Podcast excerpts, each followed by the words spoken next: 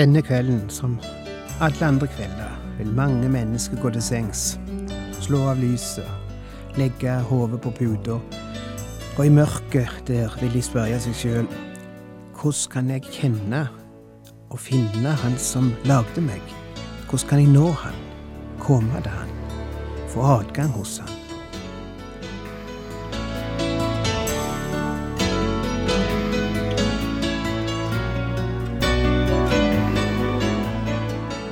Hjertelig velkommen til et nytt program i serien Vindu mot livet.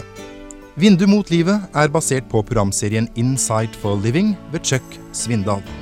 Programmet er produsert av Kristen Riksradio og blir ledet av Ola Bjoland.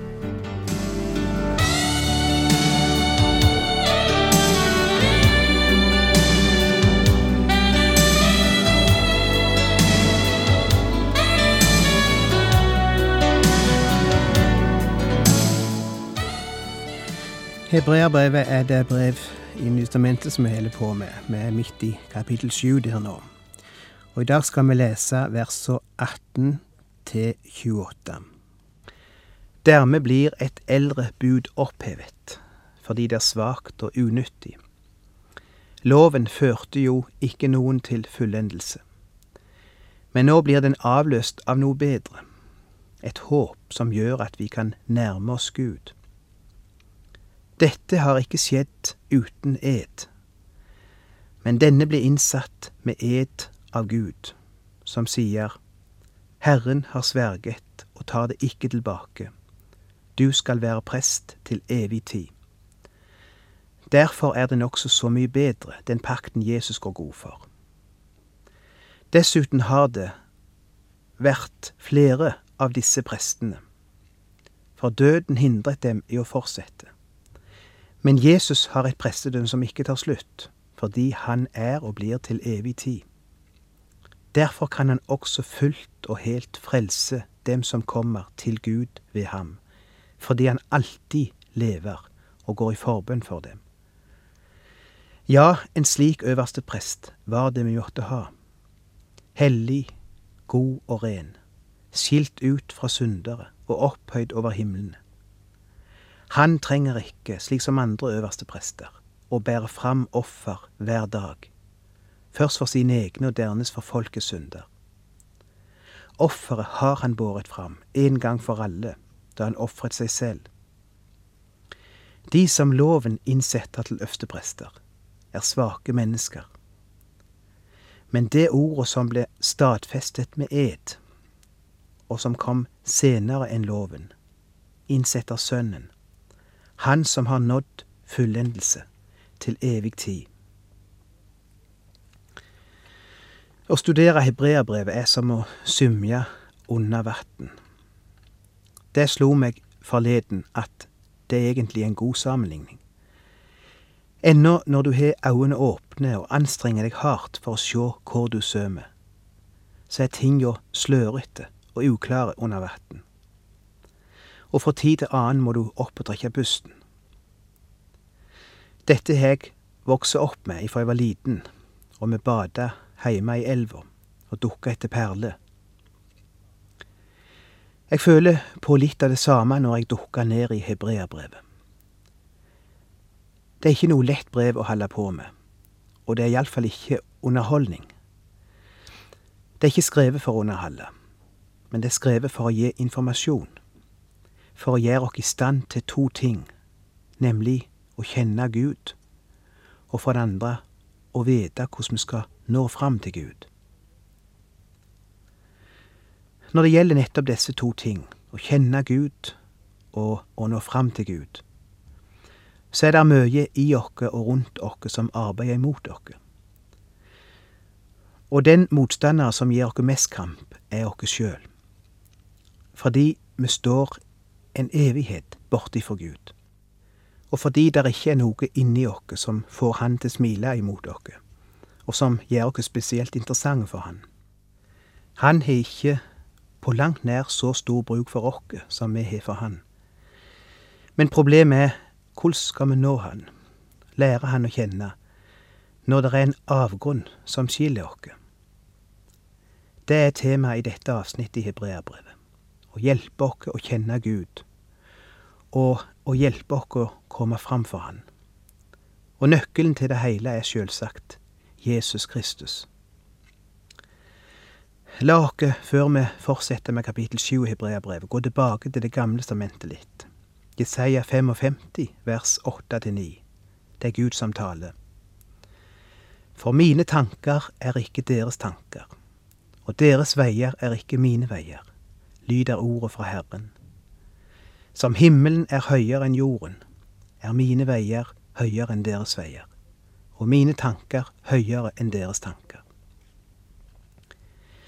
Det taler om to ting så langt jeg kan sjå.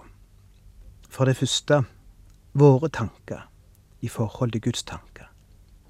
Det er en evighet imellom dem. Og for det andre våre veier i forhold til Guds veier. Og det er en evighet mellom dei òg.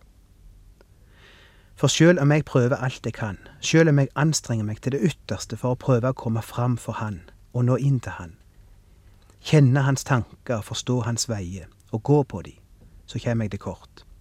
Det gjør alle mennesker, enten de erkjenner det eller ikke. Hvordan kan så et menneske kjenne Gud, komme til Gud, stå for Gud, når det er en avgrunn av synd og utilstrekkelighet som skiller oss? Hva er det som får meg ifra her til der? Hvor er brua som fører meg til Gud? La oss gå innom ett ord til før vi går til Hebreabrevet. Johannes 17. Det er Jesus som ber, natta før han blir hengt på korset. Vers 3. Og dette er det evige liv, at de kjenner deg, den eneste sanne Gud, og ham du har utsendt, Jesus Kristus. Dette er Jesu egne ord. Ikke en eller annen apostel som hadde gjort, han hadde gjort inntrykk på, og som skriver lenge etter han var død. Det er Jesus sjøl som sier dette om seg sjøl. Våre tanker er ikke Guds tanker, sier Jesaja, og våre veier er en evighet ifra Guds veier. Men det er én måte å kjenne hans tanker på, og hans veier, og det er gjennom å kjenne Han som ble menneske. Denne dagen, eller denne kvelden, som alle andre kvelder vil mange mennesker gå til sengs, slå av lyset og legge hodet på puta, og i mørket vil de spørre seg sjøl hvordan kan jeg kjenne Han som lagde meg? Hvordan kan jeg nå Han, komme til Han, få adgang til Han? Hvordan kan jeg få evig liv? Den kjente teologen John Stott har skrevet ei lita bok som han har kalt Fokus på Kristus. Der skriver han blant annet vår vesle forstand kan ikke romme Gud. Endog de små, flytende glimt vi føler vi får i øyeblikker av ekstase eller smerte, skjønnhet eller undring, godhet eller kjærlighet, peker mot høyder vi ikke kan måle, til dybder vi ikke kan forestille oss. Vi trenger en mellommann. Avgrunnen mellom Gud og oss er fremdeles videre enn vi har forestilt oss.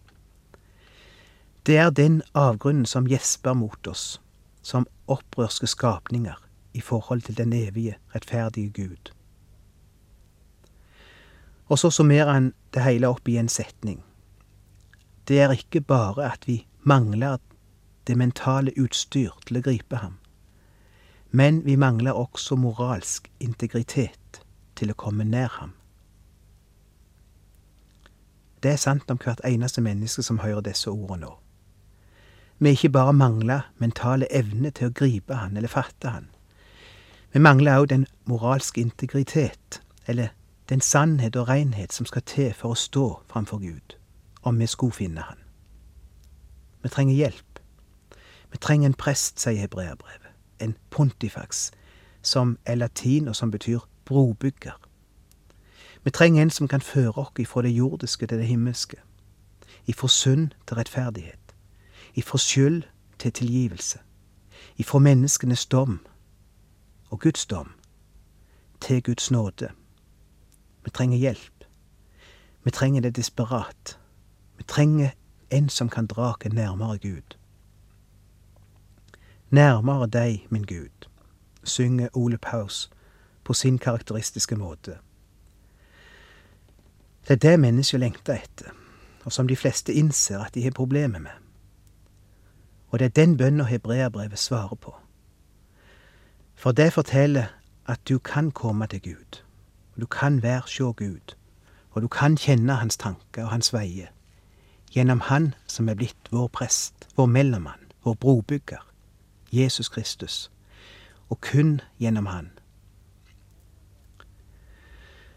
Og her er det sammenligninga med denne Melkisedek kommer inn, ifra vers 16 her i kapittel 7 i Hebreabrevet, for å vise at Jesus ikke er en prest som de gamle prester i Israel. Han er annerledes, akkurat som Melkisedek var annerledes.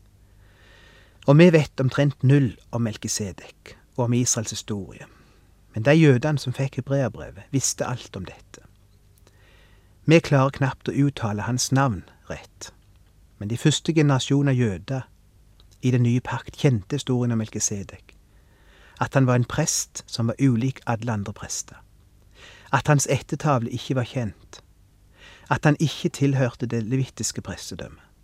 At han kom som ut ifra det blå og forsvant ut i det blå. Og med dette representerte han Jesus, som òg kom fra det blå og forsvant i det blå, bokstavelig talt. Og hvis du er på leiding etter et liv som kan gjøre inntrykk på deg, en person som kan stige varige spor i ditt liv, så skal du se etter denne personen, som på alle måter er så annerledes. Mennesket skuffer oss. Til og med de fineste, de mest hellige, skuffer før eller seinere. Det har de sikkert opplevd alle sammen. Mine forbilder skuffa meg. De som jeg hadde så store tanker om, de skuffa. Og til mer urealistiske forestillinger jeg hadde om de, desto større blir skuffelsen når jeg får sjå sider ved de som jeg ikke kjente. Det hender jeg får brev ifra mennesker som sier du må være en meget from person en meget hellig kristen, du må leve virkelig nær Gud, og så videre. Ja ja, tenker jeg, du skulle bare visst. Du skulle bare kjent alle sidene. For to dager siden sa jeg i samtale med en forkynner som var litt nedpå, litt nedkjørt, og han sa i løpet av samtalen, folk skulle bare visst hvem jeg er, hva som gjemmer seg på innsida. De skulle bare visst. Og ja, vi er alle like. Lek eller lært, from eller ugudelig. Vi er så like på innsida. Du som ikke er kristen, ikke tro at de kristne er så mye bedre. Ikke tro at han tror han er så mye bedre heller. Er det noe en sann kristen sliter med, så er det dommen over seg sjøl, at han ikke er bedre. Han kjenner seg sjøl kanskje bedre enn noen andre, fordi han har fått Guds lys over sitt liv, og da ble det mye avslørt som før var skjult, som en ikke så før. Sjølsagt skal der settes spesielle krav til en kristen. Sjølsagt skal en kristen sitt liv være annerledes. Hans liv skal vise at han har fått noe nytt, ei ny kraft, et nytt lys over livet. Men samtidig vet han, jeg er ikke det grann bedre enn deg, i meg sjøl. Jeg er ikke det grann bedre. De skulle bare visst. Derfor er det så godt å kunne vise til en som er annerledes. For når det kommer til stykket, så kan du ikke helt stole på mennesket. De kommer til kort alle. De har svakheter alle. Du vil bli skuffa før eller seinere. Men det er en du aldri vil bli skuffa over. Det er en som du aldri vil bli lei av. Det er en som vil vinne seg hele tida som vil bli større og større til mer du blir kjent med han. Fordi han er annerledes enn alle prester du har opplevd før, eller alle prester som har levd. Han kommer ifra en annen plass. Han kommer ifra Gud. Derfor er han i stand til å drake nærmere Gud. Vers 25. Derfor kan han også fullt og helt frelse dem som kommer til Gud ved ham fordi han alltid lever og går i forbønn for dem.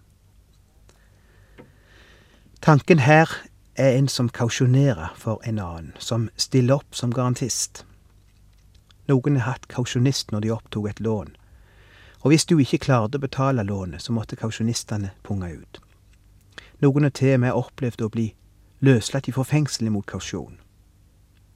Hvor mange rikmannssønn i USA har ikke rota seg opp i noe og blitt arrestert, for så å oppleve at hans rike far eller onkel er kommet med sjekkhefte og kjøpt han fri. Det er det som er bildet her i hebreerbrevet. En som betaler vår gjeld. En som kjøper oss ut av fengselet.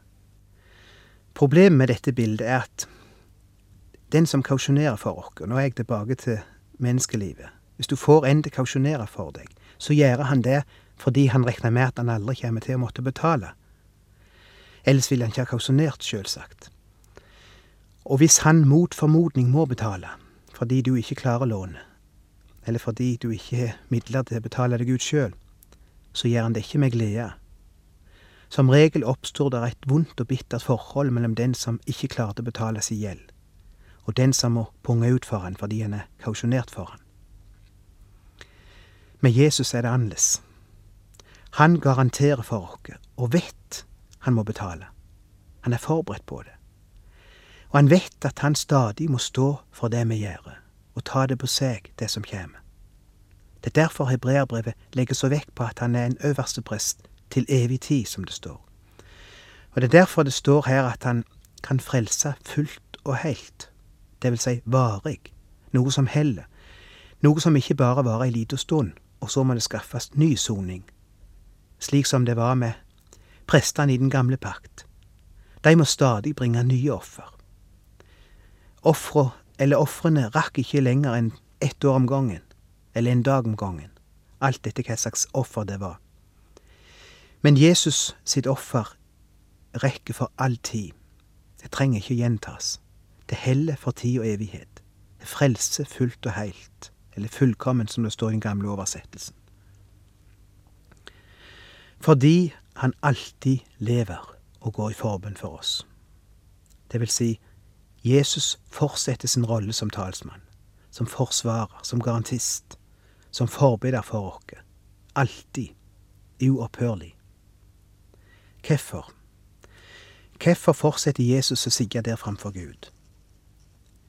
Fordi vi fortsetter å si oss i hjel. Fordi vi fortsetter å gjøre dumme investeringer. Fordi vi fortsetter å skrive ut sjekker der ikke er dekning for. Fordi vi fortsetter å bli kasta i fengsel. Vi er kjøpt fri en gang, ja, kanskje to og tre ganger. Vi har fått ettergitt vår gjeld både enda flere ganger. Vi er havna i skyldens fengsel mer enn én en gang og er kjøpt ut. Men vi havna der på nytt og på nytt. Derfor trenger vi en som sitter der permanent, ved dommerens side og er vår garantist, som sitter der og viser Gud at han er betalt, at han er gjort opp, at den prisen han betalte gjelder for tid og evighet, at hans nåde aldri tar slutt.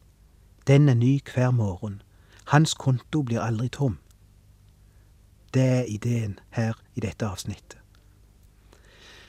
Derfor sier Johannes i sitt første brev, i begynnelsen av kapittel to, Mine barn, dette skriver jeg til dere for at dere ikke skal synde. Men om noen synder, har vi en som taler vår sak hos Faderen, Jesus Kristus, den rettferdige. Han er en soning for våre synder. Ja, ikke bare for våre, men for hele verdens. Det høres jo greit ut, sier noen. Tenk å bare kunne synde akkurat så mye en vil, fordi en får tilgivelse like etterpå. Ja, jeg vet at noen tar det slik. Og det er nok noen som òg lever slik. Men det har ingenting å gjøre med det som står her. For det står dette skriver jeg til dere for at dere ikke skal synde. Det er noe helt annet. De som bruker dette ordet for å synde, de eier ikke dette ordet. For det er til mennesker som ønsker å bli kvitt synder, som kjemper imot den. Men de innser at den kampen er nytteløs hvis de ikke har en talsmann som sitter hos Gud og stryker ut synder og gjelder etter hvert som den hoper seg opp. For først når du blir kvitt det som du drar på, først da blir du i stand til å leve et nytt liv. Jeg husker nesten ikke hvor vi begynte. Ja, vi begynte med å spørre hvordan kan jeg finne Gud, møte Gud, bli kjent med Gud? Svaret har jeg gitt allerede. Det fins en talsmann, en mellommann, som vil lede deg til Gud. Han ser det sjøl sjå Gud. Han er sjøl våre menneske. Vet hva det er. Prøvd i alle ting. Og derfor forstår han. Men han har gjort mer enn det. Han har betalt for deg. Han har åpna veien for deg. Han sitter ved Guds høyre hånd nå og venter på at du skal komme. Og straks du kjem, straks du sier Gud, jeg trenger deg, vil du ta imot meg slik som jeg er, så reiser Jesus seg og sier til Gud, han der har jeg allerede betalt for. Jeg døde for han. Ta imot han, Gud, for jeg har kjøpt han. Da er du hans. Og har du fått en sjanse, men forspilt den, så sitter han fremdeles og sier til Gud, det han gjorde nå, har jeg òg betalt for. Tilgi han det, når han nå ber om det, for han er min. Og der skal du få leve med ditt liv, og du skal få oppleve. Det blir ikke noen virkelig forandring før du får oppleve at han er betalt. Han har sona. Han har tatt bort de skyld. Det er det å bli en kristen. Og det er det å leve som en kristen.